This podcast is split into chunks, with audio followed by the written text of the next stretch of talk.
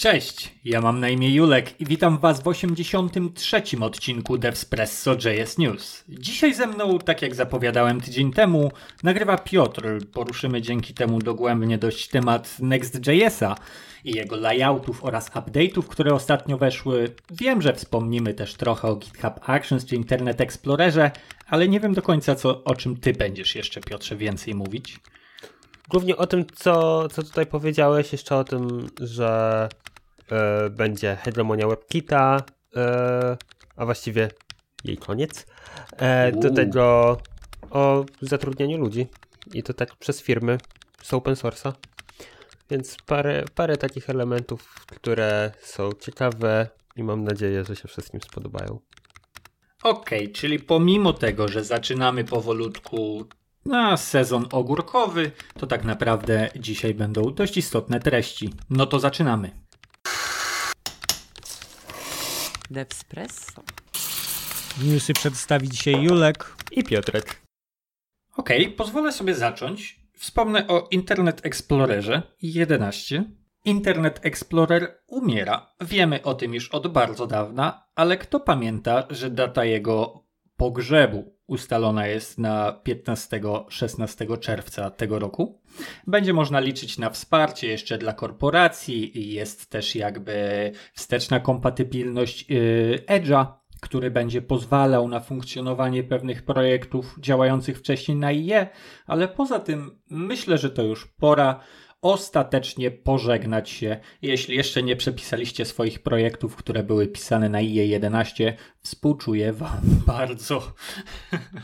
Współczuję korporacjom, które się na to nie przygotowały, bo to głównie, głównie tu będzie problem, jak Microsoft totalnie wyjmie wtyczkę mhm. i ty nagle musisz korzystać tak naprawdę z Edge'a, nie? który jest na Chromie i się nagle okaże, że ups, jeśli twój system w ogóle tam będzie działał od początku, no nie? Więc tak, jeśli nadal gdzieś są projekty legacy opierające się na Internet Explorerze, a ja wiem osobiście o kilku u znajomych, no to trzymam kciuki i powodzenia. Dobra, to jak to mówiłeś tutaj na końcu je, to mhm. mamy taki fajny, nie, nie nazwałbym tego frameworkiem, to jest cały CMS wraz z mhm. widokami i tak dalej, czyli WordPress. O, o tym, że... wiedziałem, znowu o WordPressie będą mi opowiadać w odcinku, znowu. tak, tak, tydzień temu było, w tym tygodniu znowu, ale bardzo malutki news, bo WordPress żyje, żył pewnie jeszcze trochę będzie i właśnie obchodził urodziny 27 maja. Mhm.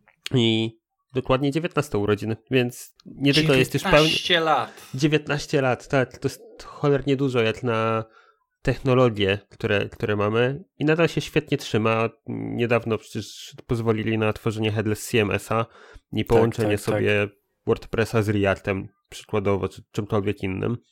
Mhm. Więc super.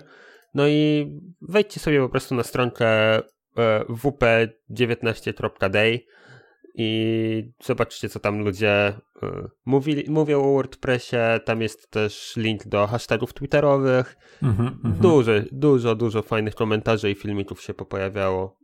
Jasne, no jest to niesamowity soft, jakby jedno z pierwszych takich rozwiązań na taką skalę, które wybuchło i taką, taką ilość rynku przejęło i nadal na nim jest. Jest to osiągnięcie zdecydowanie. Super. Dokładnie. E, to teraz jeszcze jedna kolejna rzecz. E, z ciekawostek GitHubowych, bo bez GitHuba żadna Devspresso JS News nie może się odbyć. Także więc uwaga, GitHub Actions mają wsparcie w tej chwili dla Node.js w wersji 16. I moglibyście pomyśleć, że no dobra, czyli 12 idzie out. No, mhm. nie do końca. W sensie z automatu mhm. będzie używana 16. Jeżeli bardzo chcecie, trzeba w YAMLu wyspecyfikować po prostu tego runnera jako, jako Node.js 12 i wtedy mhm. jeszcze przez jakiś czas na pewno będzie on działał, nie? Nie wiadomo jak długo, ale No, trzeba powiedzieć, że Note, Note 14 jest w stanie maintenance, będzie utrzymywany do kwietnia 20, 2023. Obecnie 16 jest w stanie active i praktycznie do końca tego roku będzie w tym stanie, potem przejdzie na maintenance, natomiast wersja current to już jest wersja 18, wersja 19 current będzie pod koniec tego roku, no ale wiemy, że te nieparzyste numerki mm, nie są, y, no są jak to, jak to się mówi? Canary version? Nie, to nie są tak, canary. Tak. Jakieś one, one są, one, takie powiem powiedzieć, że one nie są do końca szczęśliwe dla, dla tak. Node'a. Wprowadzają mało, a często wprowadzają mnóstwo bugów Ale to są, ja takie... to są wersje deweloperskie, słuchaj, bo y, tak. parzyste numerki Node'a to są te, które zostają 12, 14, 16, 18. One potem zostają LTS, y, czyli Long Term Support na kolejne dwa lata i potem je dopiero autujemy i zmieniamy i te cykle się tu nakładają. W każdym razie obecnie current jest 18, 16 jest active i można sobie działać, a 12 już pożegnaliśmy i nawet nie występuje na stronie stronie Noda w opisie ich lifecycle i wydawania releasów. No, to, to, to super. Fajnie, że pozwalają jeszcze trzymać tą dwunastkę, jeśli bardzo chcesz. Już się od niej totalnie odchodzi.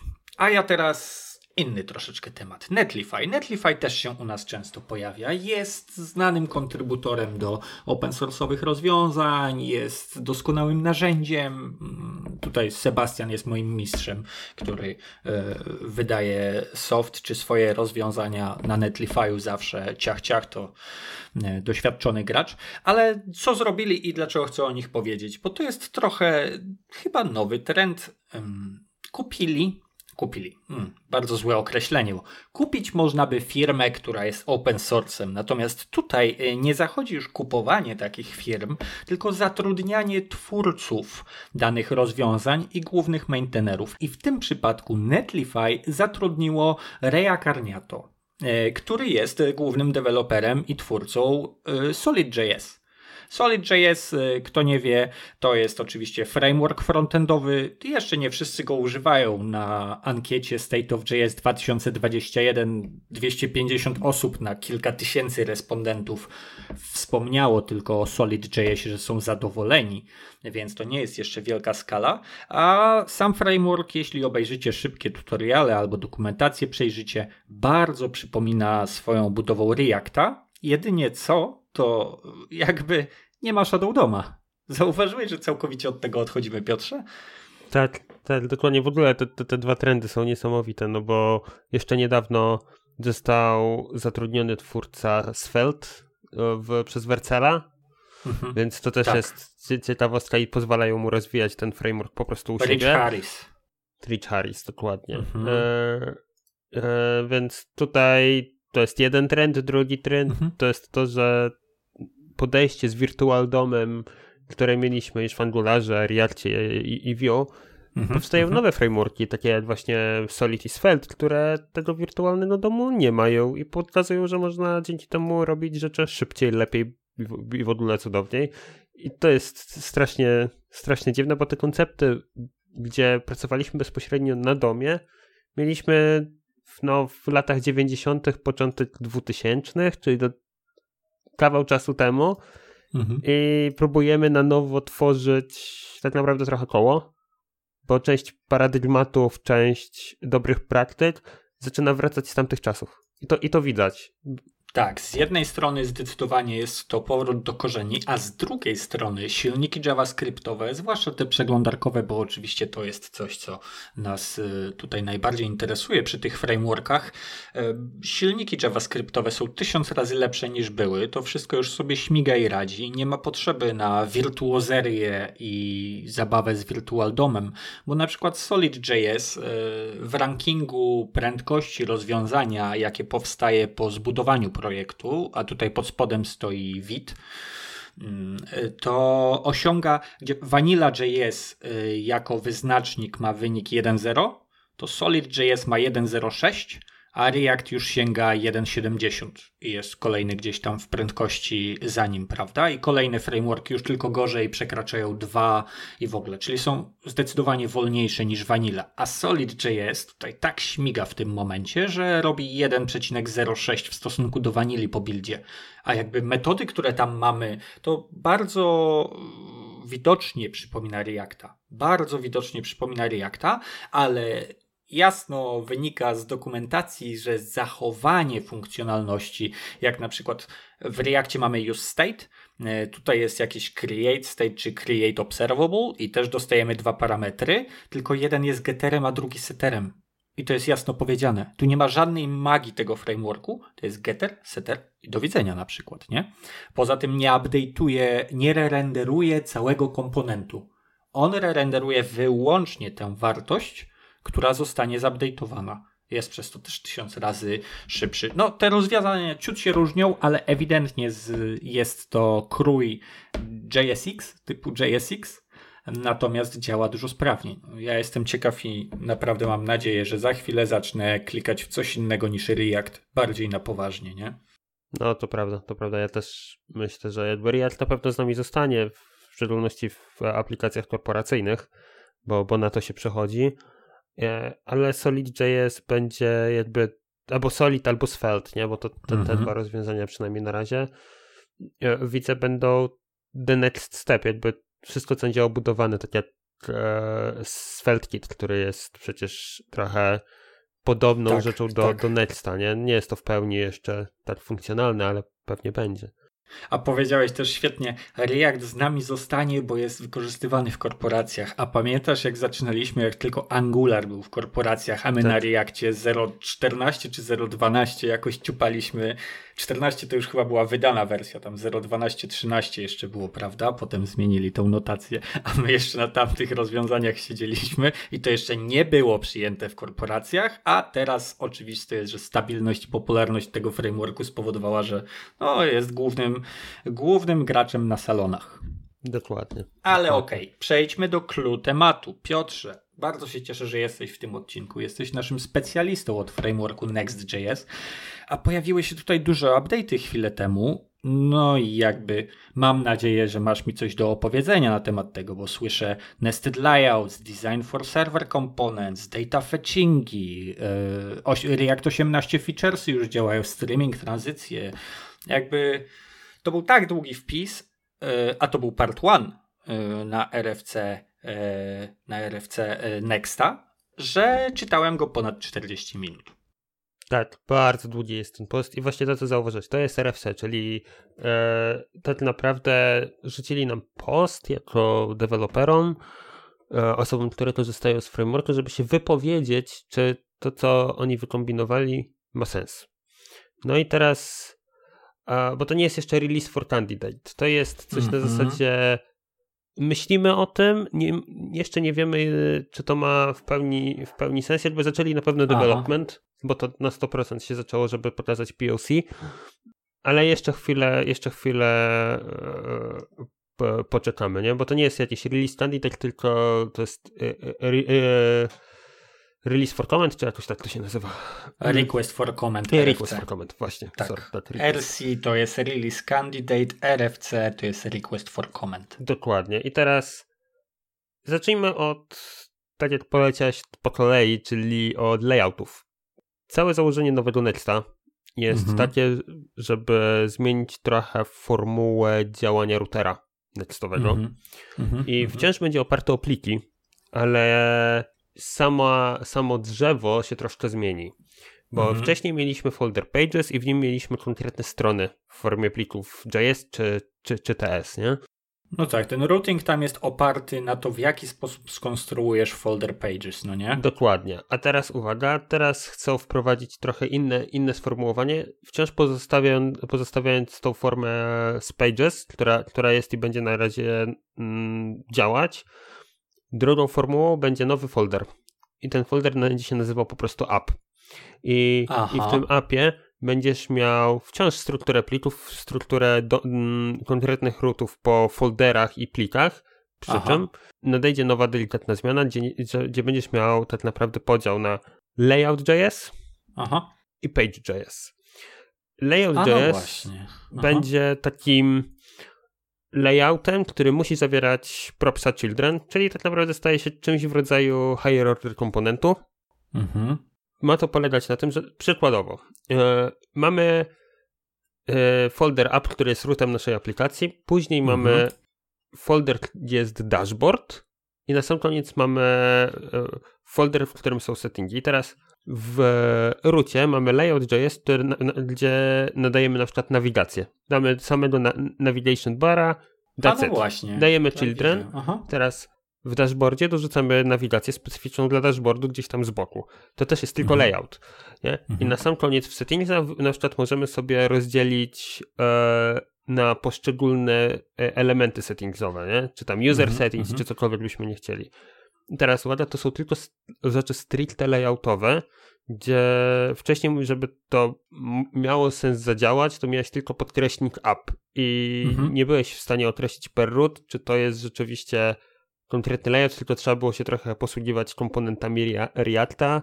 Tak, budowaliśmy, wrapowaliśmy, a tutaj na każdym poziomie mogę stworzyć folder, znaczy się plik layout.js, tak? I on Dokładnie. zostanie uznany jako podstawa layoutu na tym poziomie drzewa, w którym zawarte są foldery, tudzież page, tak? Dokładnie. A... Impressive. I więc layout będzie layoutem, page.js będzie stricte konkretną stroną, czyli konkretnymi Aha. tymi elementami, które mają się wyrenderować w propsie children. Okej, okay, i widzę, że te layouty też zagnieżdżane są totalnie w sobie, no nie? Tak. Więc to jest, to, jest, to jest rewelacyjne i mhm. jak ja to na początku czytałem, to miałem takie, ale po cholerę to. Bo sobie przecież radzę bez tego działa, nie? Po czym aha, aha. zapomniałem, że rzeczywiście w większości przypadków to, co chcemy robić, no to jak tworzysz apkę, to fajnie by było mieć taki layout, layout per konkretne ruty i tylko mhm. później, jak już wchodzimy dalej w konkretnego page'a, no to definiujesz, co chcesz w nim zobaczyć. Wtedy te komponenciki są bardzo, bardzo malutkie. Bo to wciąż będzie że... komponent reactowy, nie? Oczywiście. Rozumiem, że to, tutaj, to jest też doskonałe rozwiązanie, żeby um, umieszczać, no, żeby posługiwać się mikroserwisami, prawda? To jakby to wszystko Dokładnie, wygląda, ogóle... że tutaj ułatwi to bardzo. Dokładnie, w ogóle ten koncept przede wszystkim w rucie projektu, czyli w folderze app. Jak w layout, layout.js zastąpi nam dwa pliki, które na pewno i ty mhm. i nasi słuchacze kojarzysz, czyli podkreślnik app.js i podkreślnik document.js. Aha bo nie okay. będą one po prostu potrzebne, bo będziesz wszystko robił na poziomie layoutu lub na poziomie pod konkretnej strony, na poziomie właśnie różnych layoutów, nie? Czyli będziesz mógł sobie już manipulować e, przykładowo Google Analyticsami, że tu na jednej podstronce sobie wyświetlisz, na drugiej nie. To mhm. wcześniej było troszkę dziwne, bo trzeba było y, tak naprawdę wrzucić tryb Google Analytics sobie w podkreślnik mhm. w appie, żeby móc później jakoś zmanipulować stan przez kontekst, żeby się nie wyświetlał. Strasznie dziwnie to wyglądało. E, I ten, to było gdzieś opisywane fajnie w mm, dokumentacji Nexta, jak, jak takie rzeczy ogarnąć. Teraz to będzie rozwiązane za pomocą layoutów i page'ów i, i wygląda to naprawdę, naprawdę tak, e, pamiętam, że to się, to się pojawiło w dokumentacji Nexta i we wszystkim w momencie, gdy my już byliśmy y, dużo dalej i mieliśmy to u siebie zaimplementowane po tak, swojemu, tak. bo musieliśmy tak, specyfikę tak naszego ex-projektu. Okej, okay, a co jeszcze tutaj spotkamy? Jest strasznie dużo elementów. Bardzo dużo elementów. E, mhm. To może kolejny. Przygotowanie się pod React 18 plus serwer komponenty Reactowe. Aha. I to też jest ciekawostka, bo ta różnica, ta zmiana w formie mm, routingu ma pozwolić na to, że będziemy mogli mm, mieć rzeczywiście komponenty na serwerze. Mhm. I teraz koncept jest taki, że by default wszystkie komponenty, które mamy w folderze app, mhm. będą traktowane jako React Server Components. Mhm. W przeciwieństwie do okay. page'ów, które, folderu pages, który jest stary. Mm, no i sposób, w jaki one będą renderowane, jest specyficzny i będzie trzeba się tego trochę nauczyć. Inaczej mówiąc, mogę sobie zadnieścić klientowy komponent w serwer komponencie i to będzie totalnie fajne. Mhm. Nie mogę tego zrobić w drugą stronę. Taki, jeżeli klient komponent będzie zawierał w sobie serwer komponent i wyświetlimy go na kliencie, no to się ten serwer komponent nam nie, nie zrenderuje. I teraz uwaga, to wychodzi kolejna ciekawostka, czyli jeżeli client komponent, który ma w sobie serwer komponent, będzie owinięty serwer komponentem, to na logikę wyjdzie, że to powinno działać, bo wciąż ten parent najważniejszy będzie renderowany na serwerze. O, kapuję. Okej, okay, okej. Okay. I więc to pozwoli, pozwoli na trochę taki decoupled tego wszystkiego, co, co mamy z perspektywy mm, fetchingów i, i, i, poziomów, i poziomów komponentów. Mhm. Mm, I to wygląda naprawdę, naprawdę fajnie. E, no mówię, tego trzeba będzie się nauczyć w jaki sposób budować, kiedy tak. to jest client komponent, kiedy to jest server komponent.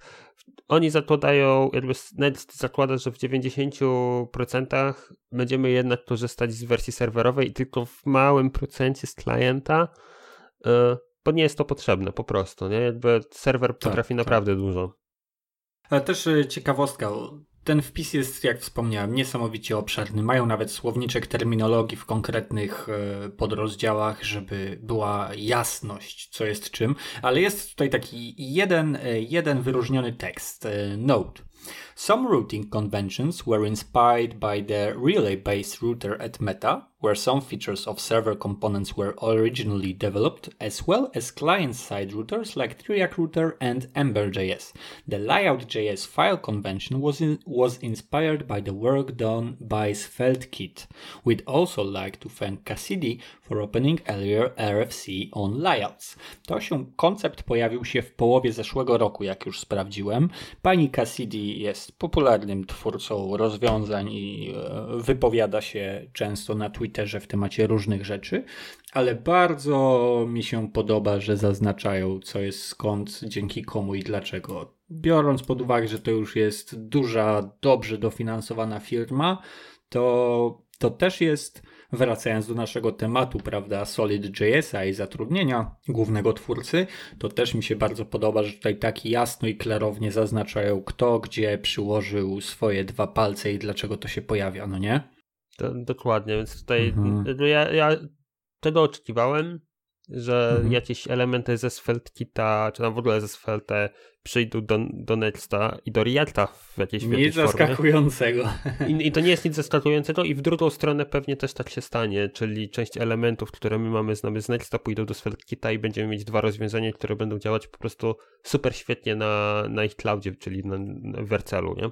Mhm, mhm. Oczywiście, że tak. Y, na Wercelu to wszystko musi śmigać. Doskonale. Dokładnie, więc tych elementów jest, jest cholernie dużo. Ten, ten wpis jest e, ogromny. Skupili się głównie na, na, I na to jest part ten, one. A to jest tylko part one i, i mówię, główny, główny element jest taki, że ta zmiana w formie routingu pozwala na bardzo wiele elementów e, dodatkowych, bo na przykład dead static propsy i dead server side propsy będą robione na poziomie głównie layoutów, no mhm. i teraz możesz mieć tak, że będziesz miał część layoutu, który jest, działa po stronie serwera, część po stronie mhm. klienta, czyli ten, mhm. najczęściej ten ostatni i co, co, ostatni element, kiedy chcesz pobrać. I możesz sobie podociągać dociągać sobie dane na poziomie konkretnych layoutów. Mhm. Tak, Wtedy, no kiedy tego tak rzeczywiście potrzebujesz, a nie tak jak mhm. mieliśmy, że cały page od razu musiał dostać wszystko. Nie? Jasne, aha. I, I to jest fajne. To też pozwala na to, że będzie można wprowadzić coś, co mm, e, chce wprowadzić React, czyli off, e, off-screen stashing.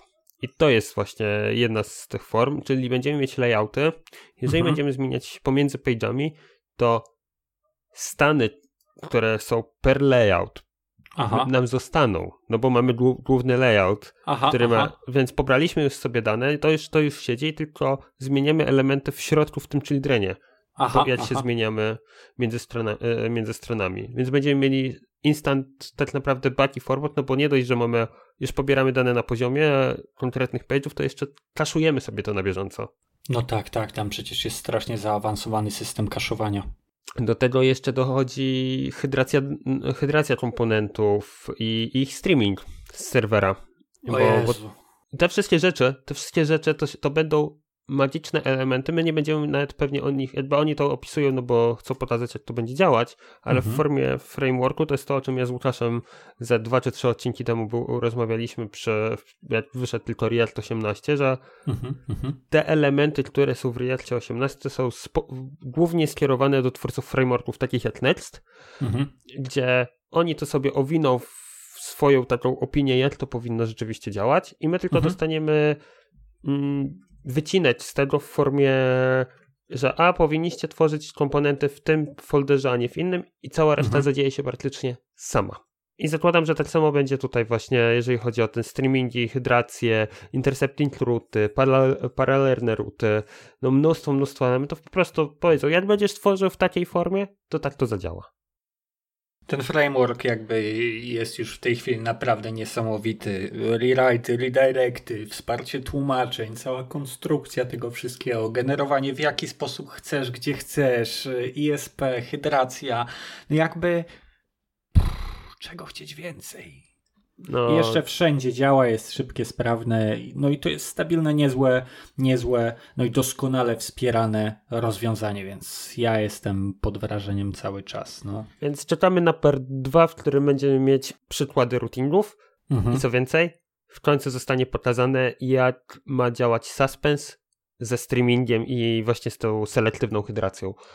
To w ogóle chyba będzie jeszcze większy i trudniejszy wpis do opisania. Będzie tam mm -hmm, tyle kontentu. Wow. No, e, wrócimy do tematu na bank, jak się pojawi wpis drugi i z pewnością o tym będziemy opowiadać, bo jeżeli ktoś jeszcze nie wie i szuka rozwiązania e, reaktowego, na czym postawić e, kolejny soft w firmie, żeby było pięknie, cudownie i działało, to Next.js, this is the way. No dokładnie. This no, no, no. Jeżeli React, to, to tutaj stawiamy na to. Super, dzięki wielkie, że to wszystko mm, przyjąłeś, przetrawiłeś i jesteś w stanie nam o tym opowiedzieć. Nie ma problemu. Happy to help, jak to mówią. Okej, okay, to ja ostatni temat y, muszę ci podrzucić, bo słuchaj, sprawa jest dość niesamowita. Portal The Register 26 kwietnia, y, no wiemy, chwilę temu, pardon, ale niechcący, niechcący dostał, niechcący, ktoś chcący mu je przekazał, ale z pewnością dostał je dość nielegalnie, jakby gdzieś do nich wpadły. Dostali informacje na temat tego, że Unia Europejska pracuje intensywnie nad Europe's Digital Markets Act. To jest już prawie ukończona E, prawie ukończona ustawa i, i, i propozycja, i bardzo mocno skupiają się na tych rozwiązaniach, które blokują progres albo działanie innych firm. I najważniejsza informacja, która tutaj się pojawia, to jeśli to wejdzie w życie, co ma nastąpić w 2024, taka jest perspektywa zakończenia prac i wprowadzenia tego wszystkiego, to jeśli wejdzie to w życie, to Apple musi zakończyć hegemonię WebKita na iOSie. W tej chwili wszystkie przeglądarki, które działają na Apple'u, muszą posługiwać się WebKitem, który na 9 na 10 jest po prostu kulawą wersją silnika JS-owego. Przepraszam najmocniej, ale to nie spełnia wymogów deweloperów do pracy i w wielu miejscach utrudnia e, dostarczanie funkcjonalności przeglądarek e, innych dostawców. Firefox i Chrome, wszyscy mają z tym kłopot. I jeśli to wejdzie w życie, to iOS będzie musiał porzucić swój koncept blokowania możliwości zainstalowania swojego silnika iOS. Znaczy się WebKit y, na, e, na Właściwie to w ogóle e, zainstalowanie innych silników JS-owych na iOSie, czy, bo na macOSie nie ma z tym problemu. Na, głównie na, mówimy o urządzeniach mobilnych, i, i, i, czyli iPhony i, i iPady. Więc to wygląda całkiem całkiem obiecująco, bo w tej chwili no, prawda jest taka, że nieważne czy korzystasz z Chrome Message'a czy Firefoxa, to tak naprawdę korzystasz, pod spodem z Safari, nie? e, niestety tak to wygląda I, i jest to słabe, bo Safari jak, jak kocham całym serduszkiem, to pod względem niektórych elementów nadal e, nadal kuleje. Mówię tu na przykład o Progressive Web Appach, które są mm -hmm. cholernie trudne do, do ogarnięcia pod względem e, pod względem webkitowym. Mhm. Pod względem na przykład e, naszego ulubionej naszej V8 z, od Chroma mhm. działa to świetnie. Jakby tam nie ma problemów e, większych, możesz naprawdę robić wszystko. Miejmy nadzieję, że, że to wejdzie i pozwolą się trochę Apple otworzy na nowe technologie, bo dzięki temu WebKit też mógłby po prostu zmienić część swoich konceptów, mieć konkurencję rzeczywistą, a nie tylko udawać, że, że ona jest, nie? Dokładnie, to też pozwoli jakby, żeby apki natywne korzystały z innych rozwiązań, jeżeli będą ich potrzebować i będą oparte gdzieś na JS-ie. Wiemy, że co jak co, ale niektóre apki są pisane wyłącznie na systemy Apple'owe, a niektóre apki, które zapewniają, że działają na wszystkim, różnie działają na systemach Apple'owych, bo bo po prostu muszą i starają się to robić, ale im to nie wychodzi. No i jakby to rozwiązanie totalnie powinno pomóc użytkownikom iPhone'ów. E, no oczywiście Apple podniesie głos o wszystkie złe rzeczy, które z tym idą, security, nie security i takie rzeczy i na pewno będzie utrudniał życie wszystkim, jak tylko będzie mógł, mm, polityka firmy. Natomiast e, to może niesamowicie wspomóc rynek aplikacji i działania tego wszystkiego dla userów, prawda? Bo tak. główne, główne założenie, dlaczego ten dokument y, jest konstruowany w ten sposób, to jest po prostu problem z tym, jak bardzo duże firmy zamykają swój soft na rozwiązania e, innych firm, a jednocześnie mm, narzucają e, jakąś formę e, no, hegemonii na swoje rozwiązania. To są bardzo silne ograniczenia dla maluczkich powielokroć, żeby być w stanie działać na takim rynku. No i właśnie to wszystko e, Unia Europejska będzie starała się tutaj no po prostu zaorać. Tak, to prawda. E, taka jeszcze szybko ciekawostka, żeśmy mieli e, pełen przekrój tego, co się rzeczywiście też dzieje. Nie zapominajmy o tym, że WebKit, e, WebKit się świetnie rozwija i w przeciągu ostatnich miesięcy prawda. też całkiem nieźle urósł. E, dosłownie dzisiaj wpadła nowa release candidate e, dla, dla mhm. Safari przygotowują się najprawdopodobniej pod e, prezentację Apple'a, która będzie 6 czerwca. Mm, ale uwaga, najlepsze jest w tym wszystkim to, że do Apple'a, a dokładnie do zespołu webkitowego, w tej chwili jest otwartych 37 pozycji. U. Więc jeżeli ktoś ma ochotę popracować nad WebKitem, proszę bardzo, e, jest, jest na to miejsce bo chcą ewidentnie przyspieszyć rozwój silnika JS-owego. Zaczynają chyba widzieć, że mają, mają problem, bo Safari nie jest w tej chwili zbyt lubianą przeglądarką. Stała się trochę takim Internet Explorerem. No i Apple będzie próbował najprawdopodobniej zmienić to podejście. Mm. Tak, walczą o to. No, na pewno nie, zakładam, że nie przejdą na Chromium nigdy, bo będzie to poddanie się totalnie już Google'owi, nie? Wtedy, jakby wtedy już będziemy wiedzieć, że Google wygrał. E, a zakładam, że tego Apple nie chce zrobić, żeby pokazać, że można robić rzeczy trochę, trochę inaczej. Pomimo tego, że będą, nie wiem, mniejsze zasięgi i będą tracić część użytkowników, to będzie to warte świeczki, nie? No, patrząc na Firefoxa, y, który też siedzi na swoim silniku przecież, to widać, że jest to bardzo istotne i V8 rzeczywiście ma bardzo silnie wywierane wpływy przez Google'a. O, a propos Google'a, V8, Chroma i takich tam, e, taka mała ciekawostka, coś co jest jeszcze extreme experimental, nawet ci nie powiedziałem przed odcinkiem, że będę o tym wspominał. W Chromie istnieje możliwość zrobienia tranzycji między stronami, e, które działają po stronie klienckiej, tak jakbyśmy mieli SPA, gdzie tak naprawdę serwujemy statiki od siebie niezależne. I e, to, to nie wnikając w szczegóły, to działanie jest takie, e, że ta funkcjonalność wykonuje screenshota strony, z której wychodzimy, screenshota strony, na którą idziemy i pozwala nam wyłącznie w Chromie, wyłącznie w Chromie z flagami i tak dalej, ale napisać własną customową, mm, wizualną przejściówkę między tymi stronami. Czujesz plusa? Jejku, to wygląda jakbym miał tworzyć prezentację Tak. Nie no, to jest coś, czego rzeczywiście nie mieliśmy. SPA tutaj zawsze e, było czymś, co, co pozwalało, czy po prostu apki mm -hmm. wstawione na 100%, a tutaj starają się doprowadzić do tego. No, jestem bardzo ciekaw, jak to będzie działało, jeśli się pojawi. No, ale też muszę powiedzieć, że dopóki inne przeglądarki o tym w ogóle nie mówią, to nie skupiam się na tym za specjalnie. Już dawno nie słyszałem o projekcie, który byłby wspierany wyłącznie na Chromie.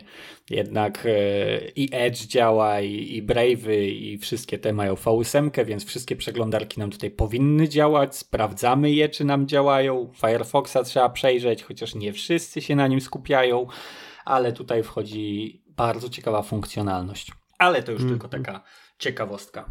Okej, okay, Piotrze, ja naprawdę więcej w tym tygodniu nie znalazłem już yy, i tak yy, mówię. Sezon ogórkowy powolutku, wakacje zaczynamy, trochę więcej konferencji będzie, ale czy oczekiwałbym jakichś wielkich hitów i skoków technologicznych? No, Next nam się pewnie przypomni w przeciągu najbliższych tygodni z part 2 wpisem na blogu, prawda? Tak, dokładnie. Czyli rozumiem, że ty też już więcej nic ja nie ten tydzień. nic nie mam od siebie więcej w tym tygodniu. Nic więcej. No dobrze, to dziękuję ci w takim razie, że przyszedłeś do nas e, w tym tygodniu i wytłumaczyłeś nam te wszystkie sprawy. I co, żegnamy się. Dziękujemy wszystkim słuchaczom, że zostaliście z nami do końca. You know, remember to like and subscribe. E, I dzięki, do usłyszenia za tydzień. Do usłyszenia. Cześć.